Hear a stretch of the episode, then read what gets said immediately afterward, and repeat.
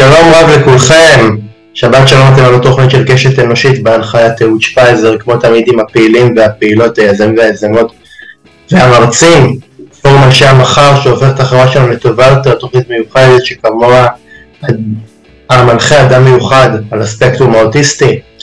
לפני שאני אגש לנושא אני רוצה להזכיר לכם כאן מאזינים יקר את הבקשה שישתף את התוכנית ברשתות החברתיות כדי שהתוכנית תמשיך לצבור כאן מאזינים נוסף. אה, בואו נתחיל. המלחמה המדממת בארגוני הטרור העירה משנתם את כל השדים שיש לציבור הישראלי לגבי פתרון הסכסוך הישראלי-פלסטיני, הייאוש בנוגע לנכונות אה, אימוץ מתווה שתי המדינות אה, גובר והנטייה אה, בדעת הקהל ימינה הולכת ומקצינה. כדי לברר האם בתוך סבך הייאוש הזה אפשר להוליד מבין הריסות המלחמה גם חזון לתקווה ולשלום ואולי גם בתוך המציאות הקשה הזאת כן להפיח אופטימיות לגבי דחיית השאיפה לשלום. אני גאה להציג את האורחת שלי להפעם. היא חברה בוועד המרכזי של מפקדים למען ביטחון ישראל, בוועד המרכזי אה, של פורום ארגוני השלום, חברה בתנועת נשים עושות שלום, אה, בנוסף היא חברה בוועד המרכזי של אמנסטי ישראל. ועיתונאית, מגישה, עורכת יומני חדשות, וממש ממש אה, לאחרונה אה, היא גם אה, עובדת בעבודת המטה של החטופים ומתנדבת שם כבר כמעט חודשיים. האורחת שלי היא פארלי שחר, שלום פארלי. שלום אהוד, מה שלומך? איך אתה מעביר את הימים הקשים האלה? אז כפי שאמרת, ימים קשים, אין, אין, אין מה להגיד. לפעמים, לפעמים אה, המציאות היא, היא נורא נורא נורא פשוטה, זמנים קשים, תחושות קשות, אה, נראה לי חשבון פשוט, אבל נראה לי שפאר לי לך הזמנים האלה קשים הרבה יותר, כי את אה, במלחמה האחרונה איבדת שותפה ו- וקולגה לעבודתך, ויvian סילבר. אז אני מתאר לעצמי לגמרי, אחת מעמודי התווך של התנועה. אין ספק שהאובדן של אה, ויvian סילבר הוא היה ממש בלתי נסבל, לא רק בשל העובדה שהיא חברה באותה תנועה שאני חברה בה, לא רק בגלל העובדה שהייתה ממקימות התנועה, אלא בעיקר שהיא הייתה האישה שפעלה כדי לסייע לפלסטינים בעזה. היא עסקה בהעברת חולים מעזה לישראל, היא כל הזמן הייתה נחושה לקדם את השלום. ואחד הדברים שאנחנו אמרנו לאחר שהיא נרצחה, זה שאנחנו לא נוותר על הדרך, שאנחנו ממשיכות להאמין בדרך בתנועת אה, נשים אה, עושות אה, שלום. ולכן אנחנו מקיימים את השיחה הזו בינינו, שאמרת שאתה רוצה למקד אותה ומה הלאה. האם ניתן לדבר על שלום? האם ניתן להגיע לאותה אה, מטרה של שתי מדינות לשני עמים. וזה מה שנעשה עוד מעט. אה, תאר לי, אני, לפני שאני אפתח בנושא הזה, אני רוצה להעיר את תשומת ליבך לסוגיה שאותי מקוממת. את יודעת, אה, יש, תמיד בישראל מקיימים פאנל ביטחוניים ומדיניים, ותמיד בפאנל יש אישה אחת על על עשרות גברים. אם יש אולי... אישה. מה? אם יש, אם יש אישה. כן, ואני חושב שזה אולי גם, גם אחד הסיבות למחדלים, זה אולי, זה אולי אה, מידור של נשים ממוקדי קבלת ההחלטות, כי אתה יודע, השיח בישראל הוא שיח מאוד גברי, מאוד מיליטריסטי, שהרבה פעמים אה, את, את הייצוג הזה תופסים גברים, לרוב גם גברים אשכנזים, ואני חושב שזה גם אחת הסיבות לדעתי, שוב, זה, זה, זה, זה תיאוריה וזה הנחה שלי בלבד, אני לא יודע, יכולים גם להגיד לי שאני כרגע מדבר מעניית לב, אבל לדעתי אה, ההדרה הזאת של נשים מהמרחב ו, ובאיזשהו מקום הידור של נשים גם לדעתי אה, בין היתר אם, אם אנחנו ביום מן הימים היסטוריונים ימנו את הסיבות, אז לדעתי, אז לדעתי זה, זה אחת הסיבות. אין דבר יותר נכון ממה שאתה אמרת עכשיו. תראה, נכון שבאים ואומרים לנו, תשמעו, אין מספיק נשים בתפקידים בכירים בצבא, ולכן אנחנו לא יכולים אה, להזמין אותם לראיונות. אז קודם כל, כשמדברים על ביטחון ומדיניות, לא צריך עבר צבאי כדי להבין מה צריך. דבר נוסף, ברגע שלוקחים את כל השיקולים, גבר לעולם לא יוכל להבין את התחושות של האישה, של האימא, בשעת מלחמה. ולכן התחושה המיוחדת הזו של אימא בשעת מלחמה מובילה לחשיבה אחרת. ואני רוצה לתת לך דוגמה מנושא אחר לגמרי. בזמן uh, המגפה של הקורונה, המל"ל, שהוא היה אחראי על התפקוד והתפעול של המערכות, קיבל החלטות מה לעשות, איך לחזור, מתי לחזור, איזה ציבורים להחזיר וכולי. אחת ההחלטות הבולטות שהתקבלה בשעתו הייתה, האימהות יחזרו לעבודה, הילדים עדיין לא יחזרו לבתי הספר. כלומר, רק גברים שמנותקים מהמסגרת המשפחתית יכולים לקבל החלטה כזו שילדים יישארו בבית והאימהות יחזרו לעבודה. כלומר, אנחנו רואים גם בכל החשיבה היותר אינטליגנציה רגשית שקיימת בנשים יותר מאשר בגברים, יכולת להבין ולנתח דברים בצורה הרבה יותר אה, נכונה. אז נכון אתה רואה בפאנלים אה, אישה אחת על עשרה גברים וגם זה לא תמיד וגם זה רק בגלל שאין ברירה כי חייבים להזמין אישה. אבל זה שוב זה ההשתלטות הגברית המצ'ואיסטית על השיח על התפקוד על הנושאים שיועלמו ואחרים. למשל אם אני הייתי מנהלת עכשיו את אה, אחת מהתוכניות אה, בערוצים, ברור שאחד הדברים, המנהלת כעורכת, אחד הדברים הבולטים שהייתי עושה זה השפעה הנפשית רגשית על מה שקורה. לזה הם הגיעו רק עכשיו. רק חודשיים אחרי המלחמה התחילו לדבר על אלה שנהרגו. עד עכשיו היו שקועים יותר בחטופים ובמלחמה עצמה, ולאן צה"ל הגיע ומה צה"ל עשה ומה הוא צריך לעשות וכדומה. כלומר ההיבטים הרגשיים מאוד מאוד אה, לא קיימים. עכשיו כשאנחנו מדברים על ניתוח של מהלכים צבאיים אי אפשר לנתק אותם מנושאים אחרים ולכן כשנשים יהיו שם או כשהן ישנן שם זה כן עולה על הפרק. ואנחנו מכאן יוצאים בקריאה הזו לשלב יותר נשים. אני מצטרף לקריאה.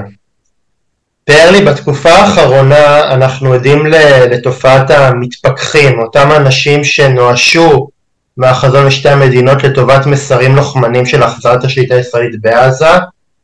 איך לדעתך אפשר להחזיר את אותם uh, מתפכחים להאמין חזרה בביטחון, בפתרון שתי המדינות, גם כאשר uh, זה נראה קלוש?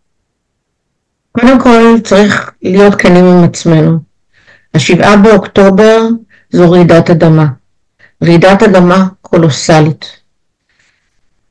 כיוון שבא לידי ביטוי שם דבר שמעולם לא חשבנו שיכול לקרות במדינה היהודית שלנו, במדינה שהוקמה כדי שלא יהיה שוב טבח ביהודים כמו בתקופה הנאצית.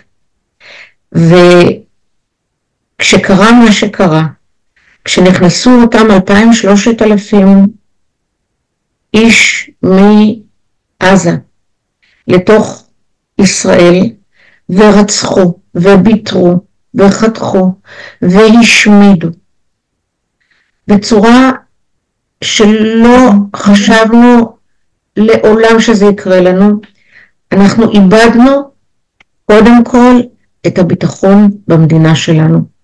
זה כמו שנאמר על בית שביתו הוא מבצרו, כל אדם מרגיש שהבית שלו הוא המבצר שלו, הוא נועל את הדלת ואף אחד לא ייכנס.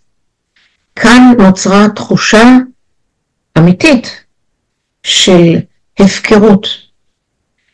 ואין זה יחד עם האובדן דרך המדיני ואובדן התחושה שהמילה שלום היא כבר לא לגלית, כבר אי אפשר להשתמש בה. זה לא יהיה מקובל להשתמש בה. אז נכון שאנחנו באים ואומרים, רגע, יש פה שלטון של שנות דור כמעט, שיצר מצב שבו המילה הזו, המושג הזה, הוצא אל מחוץ למחנה השפוי. ועוד מעט אנחנו נדבר במספרים, אבל איך מחזירים את האמון? קודם כל אנחנו צריכים להחזיר את האמון בנו, כמדינה חזקה שיכולה להגן על אזרחיה. ורק אחרי שייווצר האמון הזה, אפשר יהיה להתקדם. אפשר יהיה לחזור לדבר על האנשים מעבר לגבולות. כי מעצם העובדה שנמצאנו במצב שבמשך שנים ניסו לומר לנו אין עם מי לדבר. הפלסטינים הם לא בני ברית. והפכו את החמאס, תנועה שאנחנו הקמנו, מדינת ישראל מימנה, כדי להקים אותה שתהיה גוף מול הרשות הפלסטינית, כדי למנוע אפשרות של משא ומתן. וכשאתה חושב על זה בצורה הזו, אתה אומר הבגידה של הפלסטינים במקרה הזה היא כפולה. גם האמון שניתן באנשים שהקימו את החמאס, שהגולם קם על יוצרו, וגם האמון שאבד בנו, כמדינה שיכולה להגן על האזרחים שלה. ארלי, אני חושב שזה לא היה כל כך כל כך קשה וכואב לקיים את השיחה הזאת מבלי להזכיר שהיה כאן אה, במשך 17 שנים ראש ממשלה שלמעשה שיווק אה, איזושהי, אה, איזושהי נוסחה, נוסחת קסם מבחינתו, פחות מבחינתי כי אני אף פעם לא האמנתי בזה, שלמעשה אפשר להגיע לשם ולדלג על, על הפלסטינים. והוא ניסה אה, לעקוף את הפלסטינים דרך זה שהוא הלך למדינות המפרץ, מדינות אה, ששלוש שעות מפרידות בינינו לב, לבינם, לא מדבר איתך על ערב הסעודית, על איחוד האמירויות, ניסה, ניסה לשווק את זה, ניסה להגיד שעוד מעט... גם עם ערב הסעודית זה אוטוטו הלך, אבל אתה יודע מה העלימו מאיתנו אבל, אבל, אבל שנייה, שנייה, אבל, אבל, וזה למה זה כל כך מרתיח אותי, שאנשים חשבו שזה אפשרי, שזה אפשרי אה, לפתור את, ה, את, ה, את הסכסוך אה, הישראלי-ערבי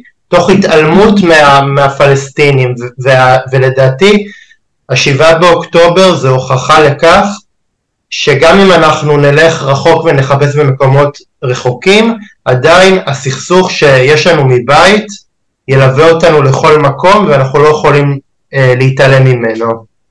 אתה צודק לגמרי אבל אנחנו אשמים גם בזה. וכל ההסכמים שנחתמו ללא יוצא מן הכלל כשהם היו הסכמים כלכליים, נאמר במפורש שיש לפתור את הבעיה הפלסטינית, וכולם. רק אלה ששיווקו לנו את ההסכמים לא דיברו על זה, רק מי שהגיע לקרוא אותם מצא שלמעשה כל התקדמות מה, מההסכמים האינטרס, האינטרסנטיים למעשה זה הסכמים שבאו לשרת את הכלכלה נקודה, שום דבר אחר לא. ולכן גם לא היו שום חילופים של אה, שגרירים רשמיים, היו יותר נספחים לענייני. וכאן אנחנו התעלמנו כי העדפנו להתעלם, העדפנו להתעלות על ענפים שבורים, כדי לא לגעת בנקודה האמיתית. עכשיו אני רוצה להסביר לך משהו. אתה רצית בהמשך גם לדבר על ה, אה, אה, איך אנחנו משנים את החשיבה הימנית אתה יודע שה... בוא, בוא נסתכל כרגע על הכנסת הזאת. בכנסת הזו יש לנו קואליציה של 64 חברי כנסת ימניים על מלא מלא, למרות שאני לא הייתי שמה את ש"ס שם במלא מלא, כיוון שבזמנו הרב עובדיה יוסף קיבל החלטה ששטחים אה, לא חשובים כמו חיי אדם, חיי אדם חשובים משטחים, ו... אבל בוא נגיד כרגע 64 ימין מלא מלא, יש לנו בתוך הגוש השני 12 חברי כנסת של תקווה חדשה ושל ישראל ביתנו, שהם ימניים ימניים. יחד יש לנו 76 חברי כנסת ימניים בכנסת הזו. הכנסת מייצגת את העם. העם חושב שדרך הימין היא הדרך הצודקת. והשאלה מה אנחנו עושים כדי לשכנע את אותם 75% מהעם שזה לא כך, שזה אחרת. אז, אז, אני, אשאל אותך פרלי, כי את באמת מגיעה לסוגיה שהיא מאוד מאוד מעניינת. האם את חושבת שאחרי המלחמה צריך לא רק להפיל את הממשלה, אלא גם להחליף דיסקט ולשנות מהיסוד את הנרטיב הימני שמושל בכיפה בנושאי חוץ וביטחון כל כך הרבה שנים? ברור שכן. את הממשלה הזו יש להפיל, כי לא היה צריך לבחור בה מלכתחילה. הממשלה הזו גרמה לנזק בל יימחה. בל יימחה. באסון שנפל עלינו, אסון שקרה בשל המדיניות הזו של הממשלה, והממשלה הזאת צריכה ללכת גם בגלל שהיא לא בעלת הכישורים להנהיג את העם שלנו. אם יכול שר בממשלת ישראל לקום ולומר לשרוף את חווארה, אין לו מושג איך לדברים יש השפעה על הציבור כאן, שלנו, של ערביי ישראל. כששר בממשלת ישראל, איתמר בן גביר, מחליט שיש לקיים צעדה ברובע היהודי של ירושלים, בעיצומה של מלחמה, זה סימן שאין לו מושג מה קורה במדינה הזו. כשאותו שר מחליט לחלק כלי נשק בלי הכרה, בלי לבחון את הקריטריונים של אלו שמקבלים את הנשק, עד כדי כך שמנכ"ל המשרד שלו מתפטר, זה אומר שהוא לא מבין מה זה להיות שר בממשלה הזו, בממשלת ישראל. ואני יכולה לתת עוד דוגמאות ממפלגות אחרות, אבל בגדול אתה יכול להבין שנבחרה כאן, הורכבה כאן קואליציה שהיא אסון, אסון למדינה שלנו. ואיך אנחנו משנים את הנרטיב של השמאל, איך אנחנו מציגים אותו כך שאנשים יבינו אותו, שיבינו שהשמאל, אגב אנחנו מדינה היחידה בעולם לדעתי ששמאל מתייחס להיבטים מדיניים ולא כלכליים, כי שמאל זה קומוניזם. ואנחנו לא. המרכז שמאל במדינה בכלל לא מדבר, מדבר על שוויון, אבל הוא לא מדבר על קומוניזם. האנשים במדינה שלנו רואים את השמאל כאנשים שרוצים להביא אותנו חזרה לגבולות 67. למרות שרוב האנשים במדינה הזו לא היו כאן לפני 67.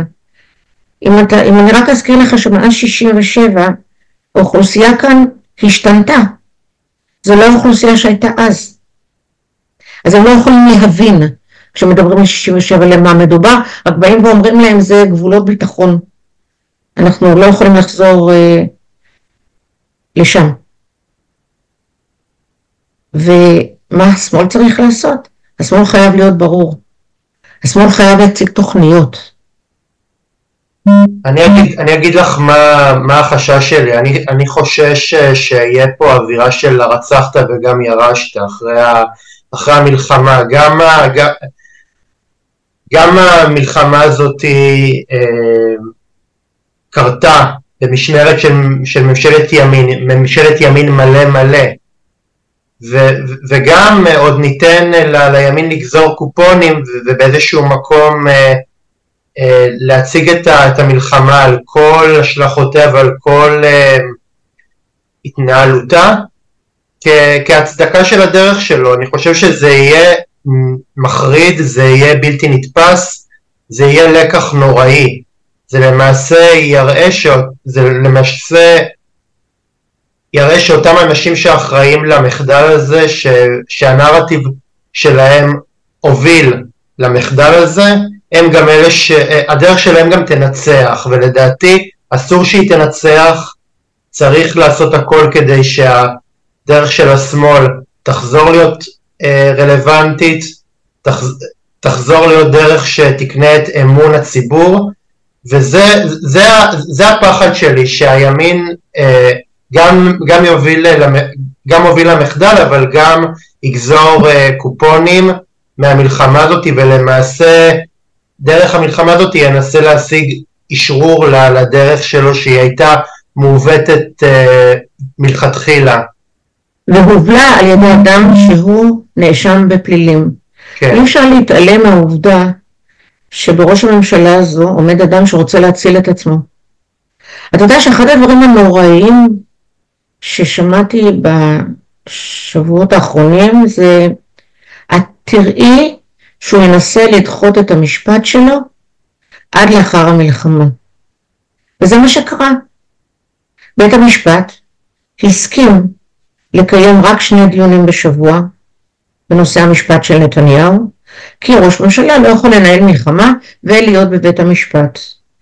ואז נשאלת השאלה האם אדם שיודע שכשהמלחמה נגמרת הוא יהיה חייב להתייצב בבית המשפט בפול טיים כל יום, הוא ירצה לסיים את המלחמה? וזאת שאלה שנשאלתי ולא יכולתי לענות עליה, כי אמרתי בליבי, הרי לא יעלה על הדעת שמי שנבחר לעמוד בראש ממשלת ישראל ובוגר סיירת מטכ"ל ייקח את כל העם איתו לבית המשפט בעצם.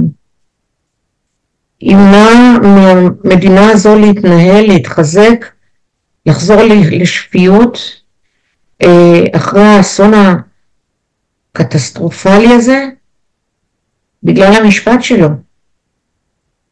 ואני עוזבת את זה ככה, אני לא אומרת מה אומרים המקורבים, ואני לא מתייחסת על מה הוא נאשם, ועל ההנאות, ועל השחיתויות האישיות, ועל הכספים, לא נדבר על זה. לא צריך לדבר על זה מחריד מספיק. בדיוק, לגמרי. זה מחריד מספיק, ו- ואני חושב ש... שאחרי ש... שהמלחמה הזאת תסתיים, ישראל תצטרך לעבור תיקונים גם בנושא הקריטריונים לבחירת אה, ראש, ראש ממשלה, ו, וגם, דרך אגב... חברי כנסת, אתה מחזיר אותי כאן. וגם, וגם, וגם הגבלת תפקיד ראש הממשלה לשני, קדנ, לשני קדנציות. אין ספק. זהו. אבל אני רוצה להזכיר עוד דבר, שכשאנחנו מדברים על שחיתות שהולכת ומתגלגלת, זה מדבק. זה מדבק. העובדה, קח את אלי כהן, הוא בא ממפלגת כולנו, ממפלגה של כחלון, אה, שהלכה לעולמה, אה, ומחליט השבוע, כפי שפורסם, החליט אולי קודם, אבל פורסם השבוע, שהוא מחלק דרכונים דיפלומטיים, או מאשר מתן דרכונים דיפלומטיים לפעילי ליכוד וליאיר נתניהו. שאנחנו צריכים להבין אני עברתי בכוונה לפני שהתחילה התוכנית לברר איזה קריטריונים צריכים להיות כדי לקבל דרכון דיפלומטי. ואז נאמר שדרכון דיפלומטי משמש פקידי ממשל בכירים לעבור לפני אחרים תוך עקיפת תחנות כי נושא הדרכון נושא במשרה ממשלתית בכירה רשמית. אני לא שמעתי שבנו של ראש הממשלה נושא בתפקיד אה, אה, אה, בכיר אה, בממשלה, אבל יש שם מצוין שגם בני המשפחה של בעל נושא הדרכון הדיפלומטי רשאי להגיש בקשה והיא נבחנת לגופה, וזה פחות מציק מאשר מתן דרכון דיפלומטי לפעילי ליכוד שאין להם שום נגיעה וקשר שלטון. אבל אתה רואה ששוב דברים נעשים אה, כאילו המדינה היא הרכוש הפרטי שלהם. אותו דבר בנושא התקציבים, תראה מה הם עשו. תראה איך הם חילקו את התקציבים, זה לא יאומן. סקטור שלם, שזה רוב המדינה בישראל, החילונים, הושלכו הצידה. והיחידים שמקבלים כסף, גם בשעת מלחמה, זה הסקטור החרדי. אני יכולה להגיד כל הכבוד לסמוטריץ' ובן גביר. הם מייצגים את ציבור בוחריהם נאמנה. אין ספק.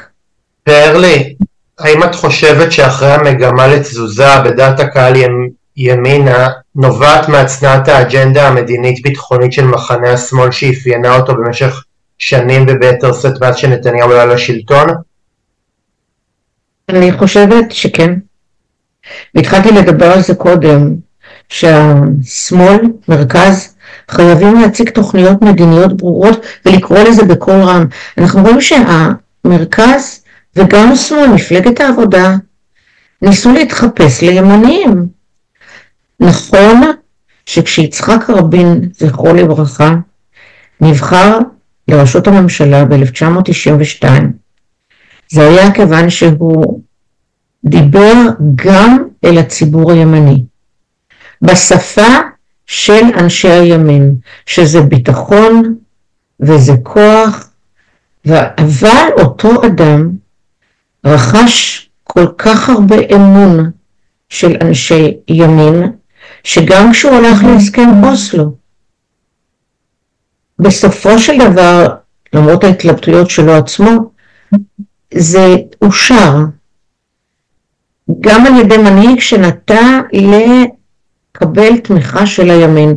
אבל אני רוצה לקחת אותך אחורה, למנחם בגין. כשמנחם בגין הביא את הסכמי קמפ דיוויד, לא דיברו על זה אז כמעט. מי שהכניס את הנשק, את הצבא, לרשות הפלסטינית, היה מנחם בגין. בהסכם הזה שבו הוא הסכים על אוטונומיה לרשות הפלסטינית, נאמר שתוקם משטרה חזקה. איך משטרה חזקה יכולה לעבוד בלי נשק? כלומר, מלכתחילה, כשמנחם בגין, איש הימין, קיבל את האישור של הכנסת להסכמי קמפ דיוויד, היה בהם את הגרעין לחלוקת הנשק לפלסטינים. אבל לא מדברים על זה, כי הימין יודע להסתיר מצוין את ההחלטות שהתבררו בעתיד כהרות גורל. וכשמדברים על נשק ברשות הפלסטינית היום, אומרים כן, הסכמי אוסלו, שם טמון הזרע של הפורענות. לא. זה בא מהסכמי קמפ דיוויד הראשונים. כי הסכמי קמפ דיוויד השניים, אם אתה רוצה שנדבר רגע עליהם, שזו הסיבה העיקרית, לדעתי, שהמשא ומתן עם הפלסטינים נכשל, בהסכמי קמפ דיוויד בשנת 2000 הגיע אהוד ברק עם אבו מאזן ועידה בינלאומית גדולה, מתוקשרת, והיה צריך להעביר עוד חלק מהשטחים בגדה המערבית לפלסטינים. ואז הוא בא עם רעיון נהדר, למה לממש את ההסכם ככה? בואו נלך לסיום הסכסוך. בואו נדבר על מה שחשוב באמת. נדבר על פליטים, זכות שיבה, נדבר על הגבולות, נדבר על ירושלים, נדבר על מעמד הר הבית אם מדברים על ירושלים. מי היה מוכן לזה נפשית? מי היה מוכן לזה מנטלית? מי היה מוכן לזה בכל הקשור לחשיבה הרגשית של שני העמים? אף אחד לא היה מוכן לדון עכשיו, אז, ב-2000, בהסכמים שיש בהם אמירה של סוף הסכסוך. ואז המשא ומתן התפוצץ, ויצא אהוד ברק, הסוציאליסט, איש מפלגת העבודה, אין פרטנר, אין פרטנר לשלום. זה המושג שאהוד ברק קבע. והמושג המושג שהוא בעצם הביא לקבורת ההליך המדיני לשנים. לשנים. זאת אמירה, זאת, זאת אמירה ש, שעד היום רודפת את המחנה כולו. ברור. ויש לנו... אמר, אמרו אין פרטנר, אז, אה, אז בסדר, אז, אז אותה אמירה שאז נאמרה באלפיים תקפה גם להיום. מאז היה כבר הסכם, אה, הסכם משא ומתן עם אה, אהוד אולמרט, אחד המשאים המשפטנים הכי הכי מתקדמים, הכי הכי ריאליים, שהכי התקבלו גם אצלם וגם אצלנו, אבל בגלל שהתפתחו הדברים באופן אישי אצל אולמה כמו שהתפתחו, זה נגנז. אבל אני רוצה להגיד עוד דבר, כשהימין יודע להסתיר או לשכוח או להשכיח דברים, היחיד, היחיד שוויתר על חלקי ארץ ישראל לפלסטינים היה נתניהו. סיני לא נחשבה אף פעם לארץ ישראל, אז מנחם בגין לא ויתר עליה. אהוד ברק דיבר על בנאום ירושלים, זה לא קרה. אבל היחיד שבוואי פלנטיישן, במשא ומתן שם, הסכים לוותר על חברון, הוא בנימין נתניהו. אבל מי יזכיר לו את זה? מי יאמר לאיש שמציג את עצמו כאיש ארץ ישראל השלמה, שעכשיו הביא עלינו את האסון הזה של החמאס שנכנס לתוך ישראל ורצח? מי יזכיר לו את זה? וכשהוא זה שבעצם חזר ואמר חמאס חייב להיות חזק כדי לעמוד מול הרשות הפלסטינית, כדי שלא יהיה הסדר של שני מדינות. אז את למעשה אומרת פה דבר מעניין פרלי, את למעשה אומרת שהדרך לסדוק את הנרטיב שלה, של הימין זה למעשה אה, להציג עובדות ולהציג נרטיב חלופי לנרטיב אה, ש, שהתקבע כאן, כאילו השמאל מוכן למסור את המדינה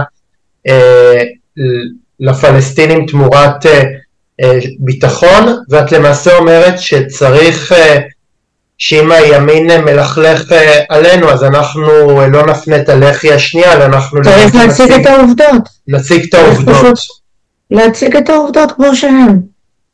ולא רק זה, אלא כשאנחנו באים לדבר על נרטיב של השמאל, יש עכשיו על השולחן משהו כמו בין ארבע לחמש תוכניות של היום שאחרי בעזה. צריך להבין דבר אחד, אה? אנחנו לא נקבע מה שיקרה בעזה. מי שיחליט על מה שיקרה בעזה תהיה ארצות הברית, בדיוק כמו שהיא מחליטה על מה שקורה עכשיו בשדה הקרב שלנו. הם נתנו לנו אורכה, הם נתנו לצה"ל אפשרות להילחם עוד שלושה שבועות לערך, והם אלה שיורו אחר כך בהסכמה עם מדינות המפרץ, עם מדינות ערב, עם ירדן ומצרים, הם ייתנו את ה... אה, יפרסו את התוכנית שכבר אה, נמצאת על השולחן, הם כבר אמרו מהי. אנחנו מדברים על רצועת ביטחון של ישראל בצפון עזה, אנחנו מדברים על ניהול אזרחי של עזה תוך פיקוח של המדינות. אגב, אני רוצה להזכיר לך שלפני שהיה הסכם אוסלו, היה אה, שלטון אזרחי של הרשויות המקומיות ביהודה ושומרון. היו ראשי ערים שנבחרו ביהודה ושומרון, והם ניהלו את הערים בכל הנקודות הנושאים האזרחיים. אותו דבר, לדעתי, הולך לקרות בעזה. כי הרשות הפלסטינית עדיין לא יכולה לקבל את השלטון שם. ארלי, מדוע להערכתך אה, התקבע במשך השנים אה, נרטיב שחלחל לשיח הישראלי של נרמול הסכסוך והשלמה עם תזת לחיות על החרב שקיים מחלק מהשיח הישראלי? כי זה בדיוק אותה נוסחה שלא מאפשרת משא ומתן. גם בנט, נפתלי בנט, כשהיה ראש ממשלה, לא נפגש עם אבו מאזן. נפתלי בנט הוא שבעצם הגדיר מה זה החלת הסכסוך. יאיר לפיד היה הראשון שנפגש עם אבו מאזן במסגרת ממשלת המעבר שהייתה. אני לא אומרת שיאיר לפיד הוא שמאלן, חלילה הוא גם במרכז הוא לא בצד השמאלי. אה, הייתי אומרת שהדעות שלו די מקבילות לאלה שהיו של אביו, טומי לפיד, שזה מרכז פרופר. והוא מדבר בתוכנית שהוא הניח על לפני שבוע, על פתרון כלכלי לעזה. כי הוא כמו שמעון פרס, בזמנו אם אתה זוכר, שמעון פרס הגה את השוק אה, אה, הפתוח ללא מיסוי בכניסה לעזה, שיבואו לשם חברות בכל העולם, אה, שם מתנהל מסחר הנפט שישדרג את המצב הכלכלי של תושבי עזה. אותו דבר מדבר כיום יאיר לפיד, קודם כל על הנושא הכלכלי שהוא יהווה את המסלול למשא ומתן בהמשך. אגב, אה, אני לא יודעת אם אתה זוכר, אבל כשתוקפים את שתי מדינות לשני עמים, בנימין נתניהו בנאום בר אילן דיבר על שתי מדינות לשני עמים. שוב, נושא שלא מזכירים. אבל את יודעת, אבל את יודעת פרלי, זה די, זה די מקומם ש... שנתניהו משקר אה, ללא בושה ו... ויכול אה, מה שנקרא ללהטט ובסיטונאות אה, להחליף אה, דעות פוליטיות ולמכור לציבור הימני אה, השקפת עולם שהיא מזוהה עם מחנה השמאל ועוד מאמינים לו. לעומת זאת אנחנו שנים שמאלנים יפי נפש כמונו, שנים מדברים על, על זה שהאינטרס שלנו זה להיפרד מהפלסטינים ולנו לא מאמינים ול, ולשקרן המנוול הזה שאחראי אתה יודע שזו תוכנית שאפשר יהיה לתבוע אותך אחר כך אתה לא צעד דיבה. שיתבע אותי, מה אכפת לי? Uh, אני, אני, אני יש לי, יש לי את הכוחות הנפשיים uh, להתמודד עם זה. Um, אז, אז אני, אז, אז באיזשהו מקום אני חושב ש, שלאנשים בימין יש קרדביליטי ציבורי, מה שאם היינו אומרים אה, אנחנו בקולנו שלנו היו, היו סוקלים אותנו וזה, וזה. מרגיש לי, רגע, וזה מרגיש לי כמו, כמו נוסחה שהיא הרסנית שרק לימין מותר לשקר ומותר uh, להשתמש באג'נדה השמאלית ועוד זה יתקבל בציבור ולעומת זאת אנחנו אומרים את אותו דבר בדיוק אז אנחנו נחשבים לעוכרי ישראל ולבוגדים. כי הטענה של הימין היא כשאנחנו נבצע את התוכנית הזו נדע גם לשמור על הביטחון. קונספציה שהתנפצה, שהם לא יוכלו לומר את זה שוב. אני רוצה להגיד לך שמה שקרה בשבעה באוקטובר, שהוא פקח את העיניים של כולם להבין שהאמירה שישראל היא המדינה החזקה ביותר במזרח התיכון, אין בזה אמת. אין בזה אמת, זו הייתה תדמית, זה היה קומופלאז'. זה לא שאנחנו לא יודעים להילחם. אבל כשמדברים על חוזק זה לא רק נשק. חוזק זה גם מה אתה יודע לעשות איתו. ואותו יום הנשק הזה לא היה שם. חיילי ישראל לא היו שם. כלומר כשמדברים על מדינת ישראל החזקה ביותר במזרח התיכון, היא יכולה להיות כזו רק עם הנהגה חזקה, רק עם הנהגה שהיא אינטליגנטית, רק עם הנהגה שמבינה מה זה להילחם, ולא מעבירה אוגדות שלמות ליהודה ושומרון כדי להתעמת עם מתפרעים בקבר יוסף. איזה בושה, איזה בושה. הרי מה שקרה עכשיו, הפגיעה בהרתעה של מדינת ישראל לא תוכל להיבנות שנים. כדי לחזור ולהיות במעמד שהיינו, אם נוכל אי פעם, זה ייקח שנים. אם בכלל. פרלי, מה נותן לך כוחות בתוך סבב הדמים הזה לקום בבוקר ועדיין אה, להאמין שקיים סיכוי לעתיד של אה, שלום בין שתי המדינות, בין שני העמים, סליחה. אני רוצה לספר לך סיפור. בשנת 1996 אה, אירועי מנהרת הכותל. הבת הבכורה שלי הייתה בסיירת דוכפת, היא הייתה שם במרכז השליטה, אני מתקשרת, והיא אומרת לי, אמא, אני לא יכולה לדבר, יורים. תאר לעצמך, אותך, אבא, מתקשר לבן שאומר לך, אני לא יכול לדבר כי יורים. היום אנחנו גם שומעים את כל העדויות מהטבח ואת הסיפורים של הטלפונים של אמא, אני מפחדת, אמא יורים, מה לעשות? אז זו הייתה מלחמה במנהרת הכותל, זו הייתה התלקחות אדירה. אמרתי, אבל לעזאזל, כשילדתי אותה, הייתי בטוחה שעד שהיא תהיה חיילת כבר יהיה פה שלום. וזה לא קרה. וכך היה עם הבת השנייה ועם הבן.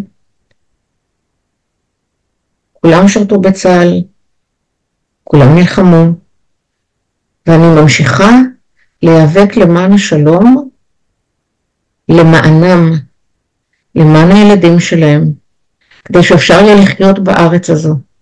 אחד הדברים שלמדתי, שלעזוב זה נורא קל. מה אני צריכה להישאר פה? נולדו לי עכשיו שני ילדים קטנים, שניהם בנים, אומרת אישה צעירה היום. מה אני צריכה להישאר פה? פיגועים, מלחמות, מבצעים. בואו ניקח את הדברים שלנו ונלך מפה. אתה יודע שמחיר דירה ממוצעת פה, משהו כמו שניים וחצי מיליון שקל, שלושה מיליון שקל דירה, אתה חי ברווחה בכל אחת מארצות אירופה, בארצות הברית, איפה שאתה רוצה. אבל כשאתה נשאר כאן, אתה יודע שזה החברה שלך, שזה הסיפור של החיים שלך, שזאת ארץ שאתה אוהב אותה. אתה אוהב אותה עד כדי כך שאתה נשאר לסבול בה, אבל אתה רוצה לבצע את השינוי, שיהיה כיף לחיות פה, שיהיה נהדר לחיות פה, שירצו. אתה יודע איזה מדינה נפלאה נהיה אם יהיה פה שלום? מה יהיה עם הכלכלה שלנו? אנחנו נהיה אחת מהמדינות הש... דובאי זה כלום לעומת מה שיהיה פה. אתה יודע מה זה ארץ שיש בה את שלושת המקומות הקדושים לשלוש הדתות? אמ, ועם כל התיירות שתגיע מכל העולם, אם רק יהיה פה שלום? ויש לי שאלה, כמה פעמים ביקרנו בירושלים העתיקה? כל אחד מאיתנו. למה שלא... באופן אישי. סליחה? הרבה פעמים באופן אישי. אתה מבקר הרבה בירושלים? אני, אני, אני, אני מבקר כי אני פשוט, אה, זה, זה, זה חלק מהארץ שלי וזה פשוט, כשאני דורך שם, כשאני, עוד, כשאני רק נכנס לשם, אתה משתכר מהריחות, אתה, נדמה לך כאילו אתה, אתה, אתה מבקר באיזשהו מקום שאין, שאין שום קשר ושום הלימה בין בין המדינה שאתה חי בה לבין מה שאתה רואה, זה, זה, זה קסום וזה יפה וזה כל כך עשיר בגוני צבע שזה פשוט מהפנט אותך. אתה יודע שבזמנו ברק הציע לחלק את ירושלים לירושלים של מעלה וירושלים של מטה. כאילו ירושלים הדתית שתהיה ש... אגב גם היום הוואקף הוא זה שאחראי על המסגדים, הוותיקן הוא זה שאחראי על הכנסיות, רק לא מדברים על זה. ירושלים שלנו. זה לא. ואם היא תהיה בינלאומית, מה יקרה? לא נוכל ללכת להתפלל? לא נריח את אותן הריחות? לא נוכל ליהנות מללכת על המרצפות הקדושות שם? בוודאי שכן. למה משהו חייב להיות שלנו? למה הגדה צריכה להיות שלנו? ועד כדי כך אנחנו עיוורים. בזמנו אברהם הורג הציע לבחון, לבחון, כשהוא היה חבר כנסת, לבחון, לא לעשות, אלא לעשות סקר. עבור מה מוכנים תושבי יהודה ושומרון לעזוב? כמה כסף פיצוי יגיע להם כדי לעזוב את המקום? ואז אמרו, השתגעת? זה ישדר חולשה. זה ישדר שאנחנו רוצים לעזוב את יהודה ושומרון. למה שנסכים? אז בינתיים כבר יש את, ההתיישבות הרחבה ביהודה ושומרון, דבר שהופך את ההפרדה לבלתי אפשרית. אגב זו הייתה התוכנית של אריאל שרון.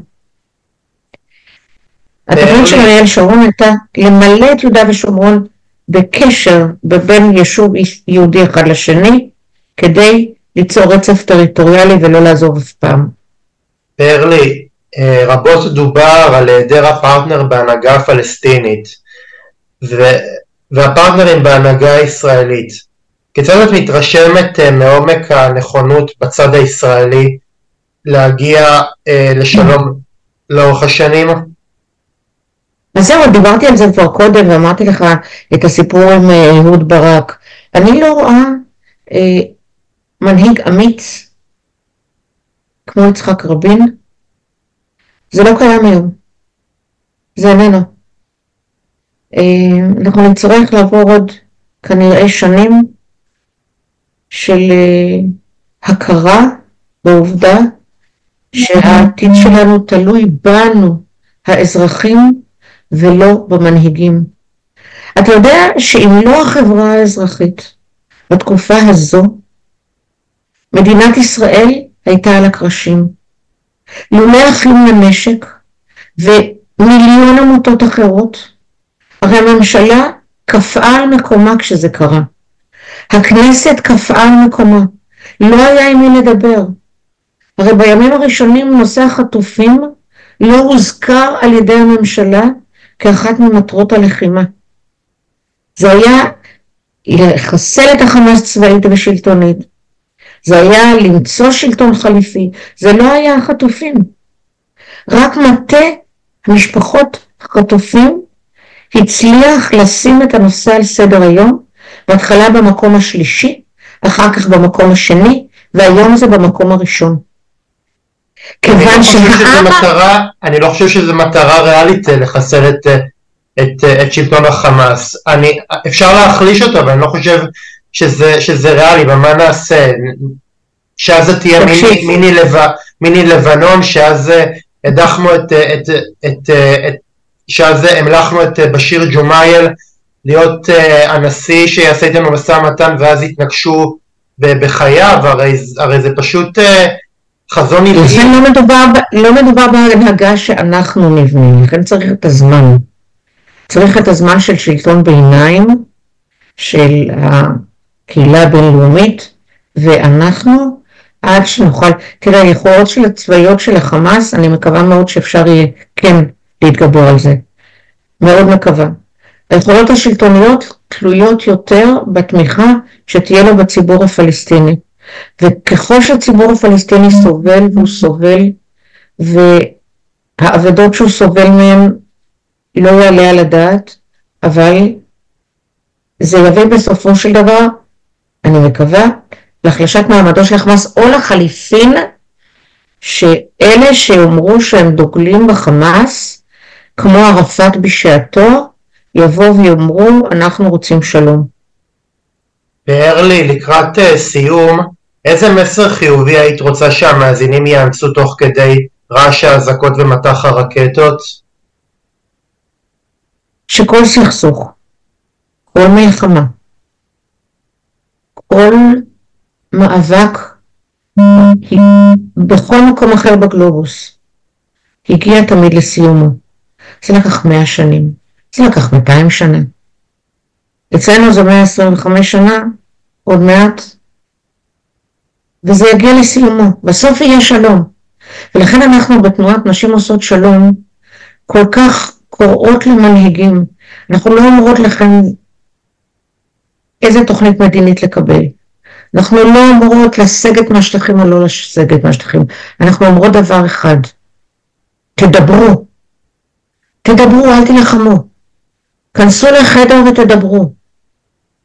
כל מנהיג אצלנו או אצלם, חזק או חלש, חייבים לדבר.